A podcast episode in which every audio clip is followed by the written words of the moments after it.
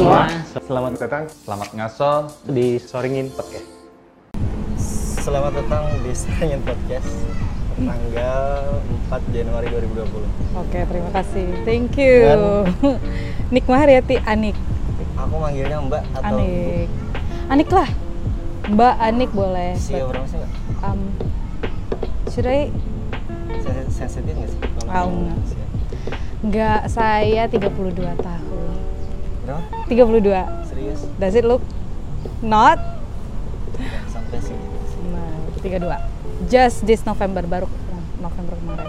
Ini podcast episode ke 4 kalau nggak salah. Baru 4 jalannya. Hmm. Udah pernah dengar podcast podcast? Belum, podcast di sini belum, tapi podcast lain ya sering. Udah sering. Ah, Ya nggak wawancara sih, cuma Hmm. ngobrol. Iya. Biasanya lebih sering dengerin podcast bahasa Inggris yang memang pengajaran. Ya, akademia, akademia. Wih, mantap mantap. Kalau eh, Sabtu, Minggu, weekend gitu, eh, ngajar nggak sih? Ngajar, Aku, aku nyebutnya ngajar atau gimana? Benar nggak sih? ngajar. Iya memang. eh, dan anehnya fullnya memang di Sabtu Minggu. Sabtu. Jumat Sabtu Minggu sampai malam malah Oh iya, sering kali. itu gimana sih maksudnya ngajar Em, apa gitu? Kalau aku kan memang apa namanya freelancer. Hmm. Jadi eh, yang diajarin juga orang-orang dewasa yang udah bekerja. Jadi otomatis eh, mereka ngambil jadwal yang di luar jam kerja. Jadi rata-rata jam setelah jam 5 sore, malam, weekend. Bahasa Inggris. Bahasa Inggris. Rata-rata yang da- ngajar apa sih mereka? Eh, macam-macam ya karena aku sebenarnya udah ngajar 10 tahunan. 10 tahun? 9 tahun di tempat les gitu. Em, kemudian sebelumnya juga udah mulai ngajar gitu kan.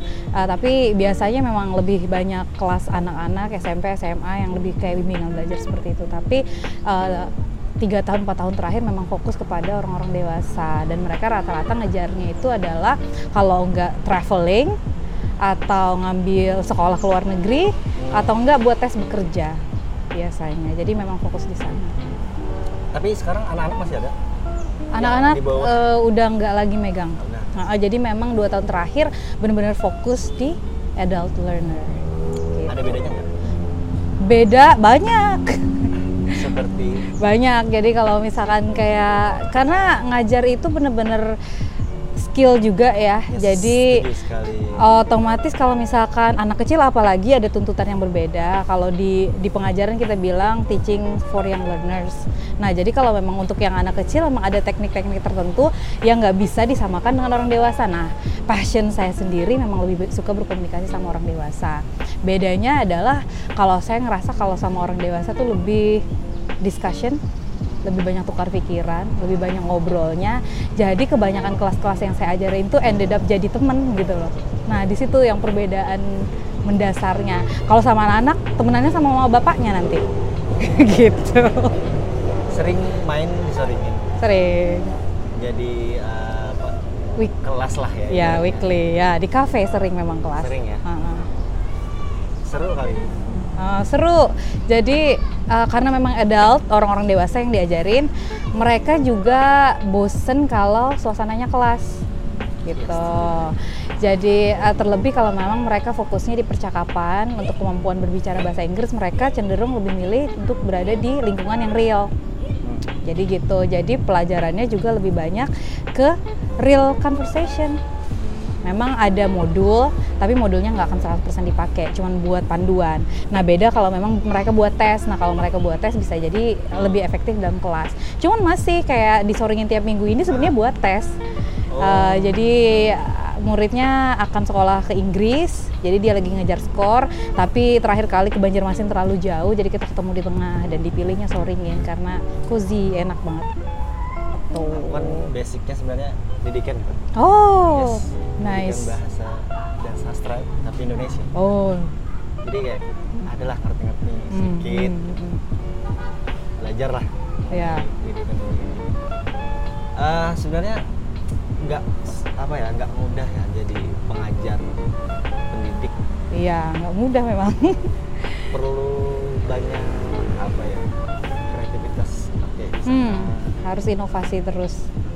Sama ya semua semua apa namanya field mau kerja apa pun kalau nggak Iya ada sih. inovasi nggak nggak akan bisa gitu loh. Apalagi pengajaran. Kalau pengajaran terlebih kalau kita yang lepas dari kurikulum nasional maksudnya yang nggak ngikut di em, sekolah kan kalau sekolah sudah ada standarisasi gitu loh. Jadi satu Indonesia kurang lebih seperti itu pengajarannya. Tapi kalau kita yang memang di request oleh murid biasanya mereka pasti nyari yang nggak ada di sekolahan gitu loh. Jadi otomatis harus lebih kreatif dan harus lebih em, apa sih meeting their demand. Harus ketemu sama permintaannya mereka. Mereka mau apa? Berarti banyak permintaan banyak dari, permintaan jadi eh, di kafe ini misalkan. oh bisa. Biasanya kayak begitu sih berarti eh, nyamain waktu aja berarti. nyamain waktu ya jadi benar-benar fleksibel. Berapa lama sih? Maksudnya kayak eh, selesainya misalkan dari awal dari sampai Eh, kalau paling lama deh. kalau aku sebenarnya kan biasanya kita paketan jadi per 10 meeting gitu loh. Tapi kalau percakapan itu nggak ada nggak ada habisnya sebenarnya. Sampai mereka memang ngerasa bisa baru mereka berhenti. Atau sampai mereka ngerasa udah kelamaan. Biasanya conversation nggak ada stopnya sih Uh-uh, jadi, nggak- akan nggak- selalu ini juga nggak Enggak, beda kalau yang tes. Kalau yang tes memang ada batas. Misalkan setelah 40 meeting akan habis dua buku eh, atau 20 meeting akan habis satu modul kayak begitu bisa. Tapi kalau untuk percakapan dia mulai dari starter sampai advance sampai nanti free speaking akan tetap jalan terus. Karena kan memang pada dasarnya percakapan harus ngomong gitu loh. So it's something that you have to practice. Ada ada hal-hal unik gak sih pas ngajar di itu kan nggak- nggak di sekolah tuh misalnya Hmm. di luar di kafe misalnya ada hal unik ya saya emang eh, ada murid yang nggak niat tapi apa gitu kan Hmm, jadi hal-hal uniknya lebih kepada hampir semua yang ditemuin itu menyenangkan sih sebenarnya. Yang- Kalau untuk yang jadi freelancer seperti ini gitu kan. Kalau yang negatif hampir nggak ada. Paling cuman ketemu satu setelah dua tahun cuman satu yang paling orang-orang yang eh, mindsetnya kalau misalkan ngambil kelas speaking asal bayar eh, tiga bulan kemudian bisa gitu-gitu aja sih yang lucu gitu loh. Jadi mindset aja sih mindset orang-orang. Aku ngambil apa sih kerjaan freelancer sekalian mengedukasi juga yang namanya bahasa Inggris itu kalian harus ngomong in real life gitu loh. Kalian harus um, punya mindset bahwa ini harus sesuatu yang harus dipakai, harus harus ya kalau memang kayak kita nongkrong di kafe sekali seminggu praktis terus ya pasti bisa ya at the end of the day gitu loh. Tapi kalau maksa cuman asal sama gurunya, gurunya ngajarin dia dengerin terus dia nggak ngapain juga nggak akan bisa. Makanya aku lebih senang diskusi gitu kan sama orang-orang yang dewasa gitu. tapi pernah di sekolah nggak? Em, nggak pernah secara formal nggak pernah tapi kayak aku diundang ke sekolahan untuk ngajar beberapa pertemuan tuh sering seperti itu biasanya aku Melihat- diundang jadi pembicara kayak gitu-gitu aja sih ngisi Oh. sesi gitu-gitu Iya. tapi kalau sengaja ngajar di sekolah paling pas PPL lulus lulusan di Eh, S1-nya ULM, S2-nya Inggris. ULM Pendidikan Bahasa Inggris Hmm. lulus tahun 2010. 2010 Ah, Sebenarnya 2005 loh masuknya. Ah, tapi karena keseruan di kampus seperti biasa. organisasi dan Enggak juga sih organisasi aku suka ikut ini itu tuh lebih kayak ikut pertukaran. Oh. Akhirnya lebih ke Lama. akademisi yang gitu ya? lebih suka jalan-jalan tepatnya. oh jalan-jalan gratis. Enggak juga sih suka akademisi. Yang penting cari gratisan. melihat pendidikan di Indonesia sekarang gimana Em, dalam hal apa nih? dalam hal eh, pengajarannya belajar proses belajar mengajar mungkin di sekolah Em, nah, kalau aku bukan maksud mengkritisi ya, tapi eh, menurutku memang harus ada saling melengkapi gitu loh. Di sekolah udah lumayan bagus dengan tata cara yang sangat apa sih namanya sangat prosedural gitu kan. Mereka harus ngejar em, lebih yang yang menyesalkan sebenarnya cu- cuman karena mereka lebih harus ngejar apa sih namanya sertifikat, kemudian ijazah dan pada akhirnya mereka nggak dapat esensi dari belajarnya itu kan kebanyakannya gitu loh. Dan eh, seperti itu disamaratakan di seluruh Indonesia. Aku milih bahasa Inggris kemarin sempat ditanyakan waktu mau S2, sempat ditanya kenapa sih harus ngambil bahasa Inggris, kenapa sih eh, harus di Banjarmasin gitu loh. Karena aku pikir kayak di daerah Jakarta, kota-kota besar Surabaya dan Bandung sebagainya bahasa Inggris mungkin memang sudah nggak yang wah lagi itu sesuatu yang anak-anak pelajari di YouTube dan kemudian mereka langsung bisa gitu loh. Tapi Banjarmasin beda soal. Kita em, menurut penelitian aja kita berada anak-anak mudanya tuh masih berada di tingkat moderate gitu loh kemampuan bahasa Inggrisnya tahun 2015 kemarin penelitian. Jadi itu adalah anak-anak mudanya yang di mana mereka bisa mengakses internet. Gimana orang-orang nggak bisa mengakses, mengakses internet? jadi sebenarnya kita harus turunkan lagi. Kita belum berada di moderate. Mungkin kita masih poor. Jadi saya melihatnya masih butuh guru-guru anti mainstream yang masuk untuk mengisi gap-gap itu gitu loh jadi aku juga apa sih sekarang lagi merintis eh, Canvas Learning namanya kursusan gitu kan. Jadi memang fokus untuk hal-hal yang di luar dari akademik. Jadi kita ngisinya itu English for Survival, bagaimana bertahan hidup, kayak mau jalan-jalan ke luar negeri, atau bagaimana mau ngasih presentasi. Pokoknya sesuatu yang memang nggak bisa didapat di sekolah. Makanya on demand kita sebenarnya. Kalau misalkan em, aku nih mau belajar sama caranya Oh, harus caranya. melakukan apa? Eh, harus sajen dulu kayaknya 40 jenis bunga. Eh, caranya gimana ya? Aku tuh lebih eh, kalau misalkan prosedurnya nggak ribet-ribet juga sih ya tinggal bilang mau belajar apa, kita diskusi kebutuhannya apa gitu loh. Misalkan butuhnya em, buat tes, tesnya apa, terus kita harus cari dasarnya juga. Maksudnya dia kemampuannya udah di mana gitu kan, dites dulu. Kalau misalkan terima kasih. Kalau misalkan nih dia mau belajar IELTS, kayak IELTS itu kan persyaratan untuk orang sekolah di Eropa atau di Inggris gitu kan. Berarti aku harus tes dulu dia udah IELTS-nya di band berapa, baru kita bisa mulai. Baru ya? baru baru kita bisa um, aku bisa nyusun modul. um, ini kira-kira habis berapa pertemuan dan dia harus belajar dari mana.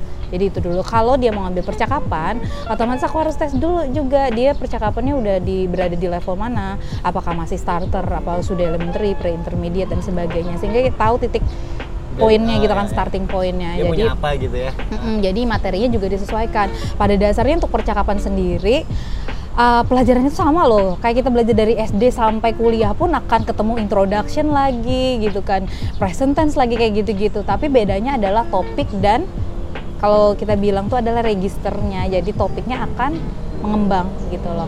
Mungkin yang kalau anak SD nggak mungkin dong diajakin ngobrolin kopi gitu kan. Nah, tapi kalau yang dewasa kita akan ngobrolin yang lebih dekat dengan lingkungannya. Mungkin sport, mungkin um, Itu mempermudah ya? Hmm, biasanya itu kan Mereka karena mereka tertarik. tongkrongnya di situ, Eh. tertariknya juga. Belum lagi kalau mereka apa namanya dipakainya mereka nongkrong akan kepake kata-kata seperti itu. Gitu. Jadi harus dicari level dasarnya dulu. Sama sih kalau di kursusan juga begitu kan. Bedanya hanya kalau di kursusan mereka udah punya modul dan silabus yang sudah rapi tersusun. Kalau aku harus bongkar pasang Oh. lebih ribet sebenarnya tapi Seru. seru seru banget karena selalu ketemu orang yang berbeda gitu kan kayak sekarang dan sekarang memang fo- uh, formatnya aku selalu ngambil yang semi private atau private jadi muridnya maksimal paling tiga orang empat orang gitu Mungkin apa? Untungnya mungkin lebih fokus aja. lebih fokus dan bener-bener kayak nongkrong lebih seru gitu loh kalau kelas besar kan bener kayak Iya. kelas tapi ya itu jadi malah lucunya muridku sekarang itu kisaran usianya rata-rata 35 sampai 60 tahun. Ya, macam-macam ya. Iya. Itu sih serunya jadi bisa berteman sama orang-orang yang lebih tua, terus belajar dari mereka, mereka belajar dari kita, kemudian temenan sama orang-orang yang anak-anak mahasiswa gitu, tapi udah nggak megang anak SMA lagi sih sekarang. S2-nya di Inggris, Edinburgh. ya, Scotland sih sebenarnya Beasiswa. bukan Inggris beasiswa. Makanya aku suka jalan-jalan gratis tuh dengan cara itu dengan cara beasiswa. mengesankan. Seru sih yang jelas. Maksudnya ba- apa? berkecimpung di dunia bahasa Inggris ini dari Oh, sebenarnya dari sebab, enggak? SD dari kecil. Oh, dulu kan dulu kan SD tuh nggak ada bahasa Inggris ya. Ah. Waktu waktu tahun aku gitu loh. tahunku ada sih Eh, jadi nggak ada. Baru-barunya. Oke, oke aku lebih tua. jadi em, dulu banget itu nggak ada bahasa Inggris. Jadi aku beda usia sama kakak tuh dua tahun. Ketika kakak masuk eh, SMP Sanawiyah tuh dia udah dapat bahasa Inggris. Kok keren ya bahasannya patung Liberty kayak gitu-gitu kan. Kolosium dulu kan tujuh keajaiban dunia aja topiknya kalau sudah masuk di bahasa Inggris gitu kan. Kok keren gitu loh. Akhirnya aku suka nyuri-nyuri buku kakak terus baca-baca sendiri memang suka otodidak belajarnya gitu kan pas udah masuk SMP udah ketemu guru yang asik banget dari situ udah pokoknya jadi guru bahasa Inggris pengennya begitu. Pokoknya pengen kel- keliling dunia. Itu udah niatnya dari dulu nggak pernah berubah. Tapi dulu mungkin jadi guru sekarang udah nggak jadi guru lagi. Yes. pengennya jadi dosen atau jadi trainer. Sekarang pengennya yang lebih ya itu ngajar orang dewasa. Trainer sih sebenarnya sekarang fokusnya. Dan aku juga nulis gitu kan. Nulis? Nulis peneliti nulis nulis buku modul. Jalan sendiri nggak ini. Apaan ngajar atau ada rame-rame teman-teman gitu yang sama dengan kita selalu diskusi sih sama teman-teman yang juga berkecimpung di dunia pengajaran gitu kan. Tapi em, pada dasarnya ya itu freelancer itu akan selalu ketemu dengan orang-orang Orang yang sama. orang yang sama. Terus apa sih ketemu sama pengajaran terus diskusi. Tapi jalan sendiri juga. Ya independen sih sebenarnya. Tapi harus tetap networking. Selain mengajar Hmm. ada kegiatan lain ya tadi nulis. Aku jadi penulis sama peneliti sekarang. Jadi neliti tentang pengajaran. Nulis buku. Sama itu aja sih. Lebih kepada researching dan mengembangkan ilmu sendiri. Tulis ke buku lagi. Gitu. Tapi kalau nulisnya aku berada di bawah institusi sih. Nggak lepas. Kalau ngajarnya kan aku lepas lepas gitu. lepas sendiri udah berapa kali sih main ke Soring udah ada hitung nggak sih Hmm, nggak kehitung lagi kayaknya. Tapi yang jelas mulai ke Soringin itu kayaknya sejak September, baru tiga bulan Diajakin terakhir. atau- Diajakin. muridnya Muridnya. gimana kesan pertama Iya, aku memang suka kafe. Selalu nyari kafe baru untuk nongkrong. Nongkrongnya itu ya tadi aku selalu nulis atau ngajar ke kafe gitu kan. Sebenarnya aku tuh orangnya kalau aku bilang tuh homebody. Homebody itu adalah orang yang sukanya di rumah. Kalau udah di rumah tuh pokoknya nggak pengen ke mana-mana. Nah makanya kalau misalkan ada kerjaan itu nggak bisa di rumah. Hmm. Kalau di rumah tuh pasti tidur. Kalau nggak nonton Korean drama gitu kan. jadi nggak akan produktif. Ah, ah, jadi kalau sudah ada bilang mau ini buku kamu nulis ya deadline sekarang. Aku pasti tiap hari akan nongkrong di kafe nongkrong di kafe pasti, itu. Pasti gitu. Ah, ah, ada malah satu bulan penuh aku di Starbucks. Oh ya? Tapi kan bosen banget ya lagi pula jujur aku tuh nggak suka minuman manis. Ah, jadi nggak akan pesen apa-apa di Starbucks cuman pesen teh. Iya tapi nongkrongnya bisa 5 jam, 6 jam. Satu bulan. Satu bulan penuh tuh aku di Starbucks waktu nulis. Lebih, mungkin hampir tiga bulan aku ganti-ganti kafe. Mall itu kayaknya kafenya udah kelilingin. Mulai Excel, Sokoi, dan sebagainya tuh udah aku kelilingin gitu kan. Untung nggak dikira pegawainya ya Oh, sempet.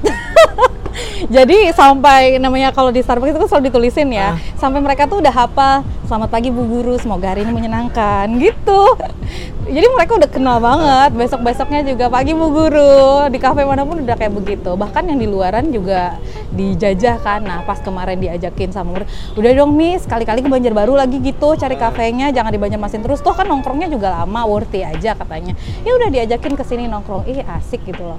Akhirnya murid yang lain pengen belajar, soringin aja. oh seringin aja Jadi akunya sekarangnya soringin aja. Karena memang enak buat lama-lama nggak diusir. emang ada yang ngusir Enggak sih. Tapi kan kadang-kadang awkward juga kan kelamaan. Untungnya nggak diusir. seru ya iya, itu sih jadi seru. Nongkrong di kafe produktif, ngasilkan duit, enak. yes Weekend. Jadi kalau kata teman-teman eh, aku ngomen kamu enak ya libur-libur gitu kan. Ya kamu memang nggak libur tapi kamu tiap hari di kafe katanya. Oh iya juga sih, alhamdulillah. Berarti lulusan ULM Hmm. pendidikan bahasa Inggris aku tuh pendidikan bahasa sastra Indonesia Dari dari mana? Ulam juga? Oh. Kita satu jurusan. Oke, satu Iya. alma mater. Iya. Cuman kerjanya di kopi. Nggak apa-apa. Orang-orang yang kerja di kafe begini muka-mukanya bahagia terus kayaknya. Tapi kepake sih mbak, maksudnya nggak Ah. nggak ditinggal aja ilmunya. Ah, apa? Di- Kepake gimana? Berbahasa kan? Iya, bener. Jadi lebih teratur ada ya. Bahasa ada berbicara, Hmm. mengamati, Hmm, terus itu mendengarkan. Cuman aku kagok sih kalau disuruh ngajar tuh masih sampai sekarang. Ah, apa ya? Tapi sempet pengen jadi pengajar juga gitu. Ah, sempet. Ada masa-masa Karena dimana- ada beberapa muridku yang les lagi bahasa Inggris, ku tanya kenapa kan kamu dari jurusan bahasa Inggris? Eh, Oh, banyak? mbak Banyak banyak, nggak? Oh ya? Heeh, yang udah lulus masih nggak bisa bahasa Inggris terus ngambil les lagi gitu kan Em, ya itu eh, banyak yang ke pendidikan gara-gara nyasar Awalnya emang nyasar sih aku cuman semakin ngejalanin tapi eh, ada hal-hal yang Dapet oh, ya? Maksudnya, oh ini perlu nih dipelajari. Berarti banyak yang lulusan bahasa Inggris Banyak. tapi masih masih ya pengen les lagi dengan tujuan? Dengan tujuan. Malu kalau bahasa Inggris bahasa Inggris nggak bisa bisa katanya gitu kan. Tapi memang biasanya akan disadari ketika pas lulus gitu kan akan disadari bahwa oh ternyata butuh ya ternyata bagus ya gitu loh. Dan akhirnya mereka akan nyari lagi cara supaya bisa gitu loh. Tapi itu tuh semuanya kalau aku sih mikir semuanya perjalanan ya semua orang Iya, nyari bener. sesuatu dulu Bener gitu loh baru bisa attach baru bisa menikmati. Dan gak ada yang sia-sia memang kebenaran aja aku nyemplung langsung dapat zonanya. Iya benar. Bahasa Inggris. Banyak. Itu bisa apa sih kalau pendidikan ya? Hmm. selain pendidikan ngajar gitu. Bahasa Inggris. Banyak sebenarnya. Yang jelas ya kalau di kita eh, suka larinya pasti ke bank anak-anak. Ke instansi BUMN tapi sebenarnya kalau bahasa Inggris sendiri nggak terikat di situ doang. Yang jelas sekarang ada banyak kesempatan menjadi translator interpret interpreter gitu kan. Terus juga bisa em, masuk di apa namanya di kursusan-kursusan tapi bukan sebagai hanya sebagai guru bisa jadi pembuat materi kayak gitu-gitu tuh. Banyak zona yang nggak belum tereksplor gitu loh sama orang-orang bahasa Inggris. Kayak em, bisa kita bergabung ke kayak perusahaan-perusahaan batu bara pun sebenarnya bisa karena mereka kan selalu berurusan dengan bahasa Inggris pada akhirnya. Ya kebany- aku banyak sering dapat job menerjemahkan dokumen-dokumen mereka tapi sekarang mereka udah hire pegawai sendiri gitu loh untuk ngelakuin itu. Dulu aku sering dapat job-job seperti itu kayak agreement-agreement dari mining companies kayak begitu. Banyak sih tapi mungkin memang di Banjarmasin nggak tereksplor Aja- nggak nggak usah fokus jadi guru juga kalau ngambil bahasa Inggris ya ambil ilmunya dulu lah pasti kepake gitu loh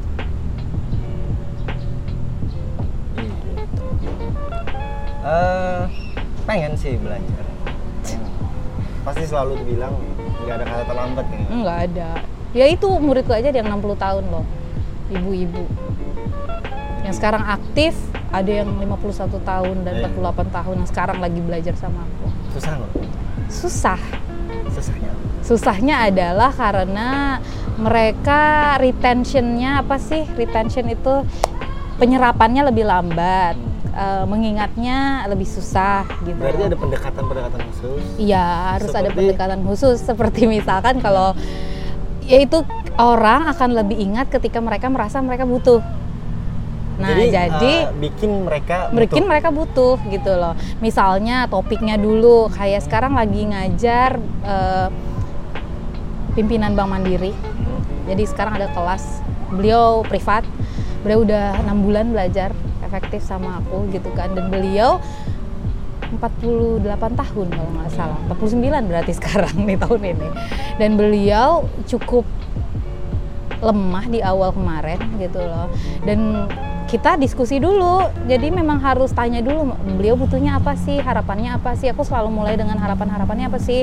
Bisa nggak kita meeting the goal gitu loh at the end? Misalkan dalam tiga bulan kita apa nih goalnya? Kalau menurutku goalnya terlalu tinggi akan ku diskusikan ini nggak bisa tercapai. Paling enggak kita pecah dulu ke sini.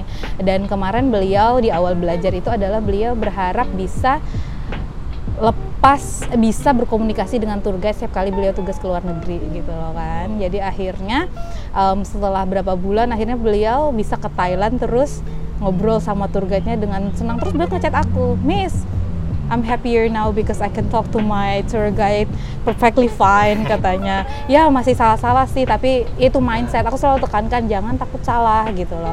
Kalau salah nggak apa-apa lah orang juga bukan native speaker kita sama-sama salah kok. Jadi mindset itu yang susah banget dibentuk ke orang-orang. Mereka pasti akan takut sekali salah grammarnya lah gitu salah vocabulary-nya. Jadi tiga bulan itu adalah meluruskan mindsetnya dulu. Bahkan bisa nyampe satu tahun untuk ngelurusin mindset mereka bahwa mereka nggak boleh nggak boleh takut salah.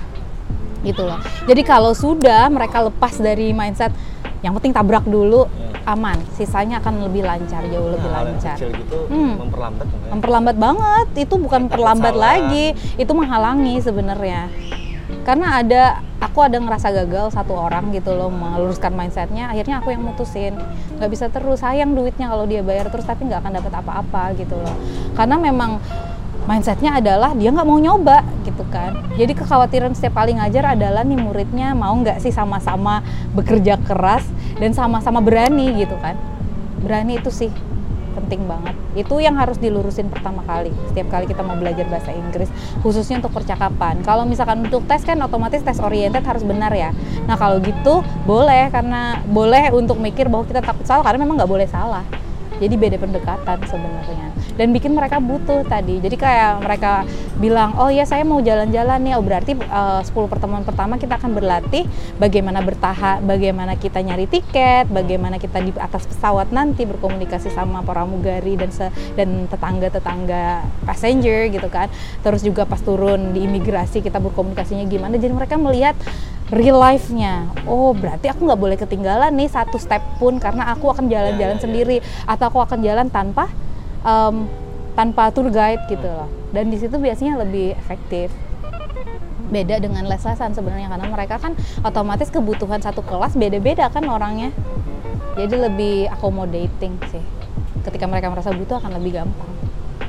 Kalau mau belajar dalam kegiatan sehari-hari gitu, misalnya kan ada tuh nyaranin sering nonton film yang berbahasa Inggris. Hmm. Menurut Mbak ada nggak ya kita bisa ngerjain itu eh, dalam kegiatan se- sehari-hari? Oh itu sangat bermanfaat banget saya percaya karena honestly aku juga nggak pernah les bahasa Inggris sama sekali bener-bener belajar dari film lagu film dan lagu-lagu bahkan satu buku tuh di- diterjemahin gitu loh. Tapi nggak boleh cuman itu otomatis. Karena em, kita belajar paling cepat tuh dari mendengarkan. Oh ya? kalau kita ngedengerin sering itu bakal sering terserap. Tapi kita akan bisa ketika kita mengucapkan. Kan kita ngedengerin dulu masukin masukin tapi nggak akan bisa apa sih retentionnya nggak akan lama kalau kita nggak memproduksi. Berarti harus eh, seimbang ya? harus maksudnya? harus harus banget Iya harus kalau kita mau pintar nulis kita harus rajin baca. Yes. kalau kita mau bisa berbicara kita harus mendengarkan gitu loh. Dua-duanya harus sejalan. Kalau ngedengerin doang semua murid saya tuh pasti bilang aku tuh paham kalau orang ngomong tapi aku nggak bisa ngomong. Ya nggak? Kamu paham kan kalau orang ngomong bahasa Inggris tapi nggak bisa ngomong. Kenapa? Itu sebenarnya semua orang seperti itu. Bayi pun paham mendengarkan kita dulu. Itu memang apa sih namanya proses pembelajaran seperti itu. Dia akan mencoba memahami kita dulu baru nanti dia turutin tiru. Harusnya kita juga mengikuti proses itu sebagai orang dewasa. Jadi ketika kita mau bisa kita dengerin orang dulu copy kata-katanya. Kalau perlu dicatat kalau perlu dicari persamaannya dicari definisinya baru kita produksi karena kita udah paham itu katanya apa. Nggak perlu takut salah ya bayi aja juga nyambung nyambungin kata salah mulu di awal gitu kan. Jadi sama proses jadi mindsetnya harus seperti itu balik jadi bayi lagi gimana gitu loh. Pasti bisa asal mindsetnya seperti itu. Nonton sering-sering ya buat ngopi. Tapi dipakai obrolin tadi nonton apa gitu loh. Makanya bagus kalau ada speaking club tiap minggu kayak begitu. Oh saya juga mau saya lupa kalau ada ini. Ya aku nggak nawar. Saya nggak ngobrol. oh Pengen sih nanti. Mm-mm. hubungi saja Nggak sama teman-teman juga barista gitu. Karena Iya. emang kepake kan mbak. Gitu. Weekend ya biasanya ya. weekend Yang sementara mm-mm. sementara jadwal weekend full sampai malam. Sekarang berapa? Em, sekarang ada 10 kelas minggu. 10 apa 11 ya. Lumayan penuh sih dan semua penuhnya di pagi. Nah, eh ke enggak di sore ke malam. Jadi kalau siang malah santai. At lunch, jadi ada kelas lunch buat pegawai-pegawai biasanya lunch mereka minta kelas. Sambil makan siang, ngobrol. jadi buat akunya juga seneng karena aku suka ngobrol orangnya gitu loh. Jadi lunch habis jam 5 itu biasanya padat. Sudah jam 2 jam 3 tuh kosong. Pagi itu kosong. Tapi domisili Banjarmasin. Banjarmasin. Banyakan Banjarbaru muridnya atau Em, sekarang imbang. Imbang ya? Mm-mm. Sekarang memang sedang menjajahi Banjarbaru. Karena dari kemarin tuh sebenarnya banyak permintaan di Banjarbaru, tapi kok mm, rasanya jauh ya Banjarbaru, jadi selalu ditolak. Oh. Habis sering kesoringin, perasaan nggak terlalu jauh. jadi sekarang, oh iya, oke Banjarbaru siap. Terima. Diterima. Jadi sekarang menerima. Hari ini juga ada kelas baru yang dibuka. Mau mau lunch class nanti. Di mana? Soringin tutup kan, pengennya sebenarnya di sini. Ntar jam akan pin- 2 sih kita lanjut. Jadi akan pindah ke kafe lain habis ini. Maaf, saya harus selingkuh dari Soringin dulu hari ini di Banjarbaru. Seru, seru banget dengan kerjaan seperti ini. Mengajar. Menghajar. Minum, Mbak. Udah diminum. Udah diminum. Kalau boleh tahu pembiayaan danaan buat pengen Kita masuk ke zona sensitif ya. Oke. oh, berarti bisa dihubungi ke mbaknya yang Oh iya bisa, tapi Pak pada dasarnya kalau semi private otomatis akan lebih mahal daripada kursusan itu aja sih. Tapi rame-rame bisa nggak sih? Bisa, bisa tapi nggak saya nggak pengen lebih dari enam orang Oh. karena akan tidak efektif 5 padahal maksimal biasanya. Cuman kalau memang mereka formatnya minta kelas bisa diterima sampai 10 sampai 15. Kalau formatnya tetap kelas. di luar ya kan? Enggak, kalau kelas kita kelas beneran. Kayak sekarang Di, ada beberapa instansi yang minta Oh. jadi di kantor. oh, di kantornya. Mm-mm. Kalau memang untuk semi private conversation kalau minta di luar aku nggak bisa menerima banyak-banyak, nggak bisa ngontrol. Susah ngontrol dan apa sih biar semua orang bisa dapat porsi belajar yang sama. Jadi 5 itu kayaknya maksimal udah. Kalau di luar kelas, ya 5 6 lah ya. Kalau di kelas bisa sampai 10 15. Nanti lah di Silakan mungkin sorenya nanti buka satu kelas khusus, saya pindah ke sini. si UP nanti dihubungin minta tolong untuk Karena masih bingung nyari kelas sebenarnya di sini, makanya Iya. masih harus kafe. Kadang-kadang ada yang minta lebih dari lima orang kan, aku nggak bisa akomodasi karena memang nggak ada tempatnya. Kalau untuk Banjarbaru, kalau nanti rame mungkin akan nyewa tempat di sekitar sini. buka di Banjarbaru. Buka di Banjarbaru, cabang Banjarbaru. 10 tahun berarti nggak? Hmm. 10 tahun kurang lebih. 9 tahun kerja di instansi di bimbingan belajar di kursusan. bosan. Ada nggak? bosan. Bosan ngajar gitu. Bosan aja. Bosan ngajar itu pasti ada ya. Em, Atasinya? kita dicari suasana baru. Eh, kalau bosan ngajar bahasa Inggrisnya nggak pernah, karena itu memang udah bagian dari kegiatan sehari-hari. Kalau aku bilang it's my soul already gitu kan. Pernah kemarin ditawarin untuk full timer untuk kerja jadi peneliti. Kemarin aku ditawarin full timer, sekarang kan masih part timer. Em, aku bilang sama bapaknya em, kalau reading and writing that's like food to me atau makanan gitu kan. Karena memang orang ngajar ya harus banyak-banyak baca harus banyak-banyak nulis. Tapi kalau ngajarnya sendiri that's the soul. How can I eat without my soul? Gitu kan. Jadi memang ngajar tuh sudah jadi udah jadi darah daging gitu kan. Tapi kalau bosan mengajar pasti. Misalkan kayak ngajar Senin sampai Sabtu kayak kemarin ngajar di suatu tempat dengan modul yang itu-itu aja dengan teknik mengajar yang itu-itu aja dengan yang nggak dikembangin gitu loh. Muridnya ah, pokoknya kayak dari A sampai Z pertemuan pertama oh iya kemarin belajar apa? Oh hari ini kita akan belajar ini. Kemudian sudah bisa anak-anak ayo latihan. Itu monoton banget pasti ada titik jenuhnya gitu loh. Jadi caranya adalah makanya selalu ada kelas luar untuk merefresh. Jadi aku selalu imbangin dengan ngajar di luar dengan ketemu orang-orang baru lagi. Makanya ketika sudah settle dengan banyak murid di luar aku lepas kerjaan kemarin. Jadi sekarang benar-benar full freelancer nggak lagi terikat di satu institusi Berarti karena kebanyakan eh, murid yang seumuran. Hmm, itu seru itu itu seru banget. Karena kita bukan cuman ngajar tapi sering kali juga kayak misalkan apa sih ketemu sama orang dari apa namanya ngajar bos-bos nih. Mereka juga pasti akan ngasih ilmu ke kita. Berurusan sama orang lain bagaimana bicara sama orang lain gitu loh. Jadi hal kayak gitu tuh tuker gitu loh. Nggak nggak nggak pernah ngebosenin tapi kalau misalkan cuman di kelas kita diharap cuman ngasih ngasih ngasih kan ngebosenin banget gitu jadi harus diimbangin lagi-lagi Sudah kita begitu berbicara 30 menit lebih.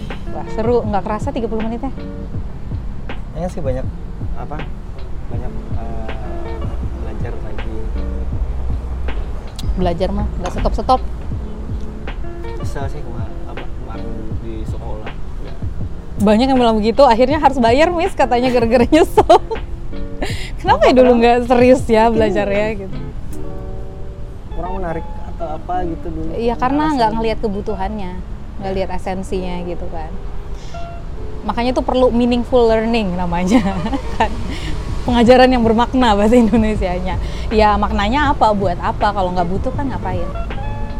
Jadi harus butuh pernah bule nggak datang ke soringin pernah. nah Cuman berarti bulanya pakai bahasa Indonesia. ah mereka juga belajar Ya masa kita kalah gitu. hmm that's right Sering sih didatengin gitu. Gitu.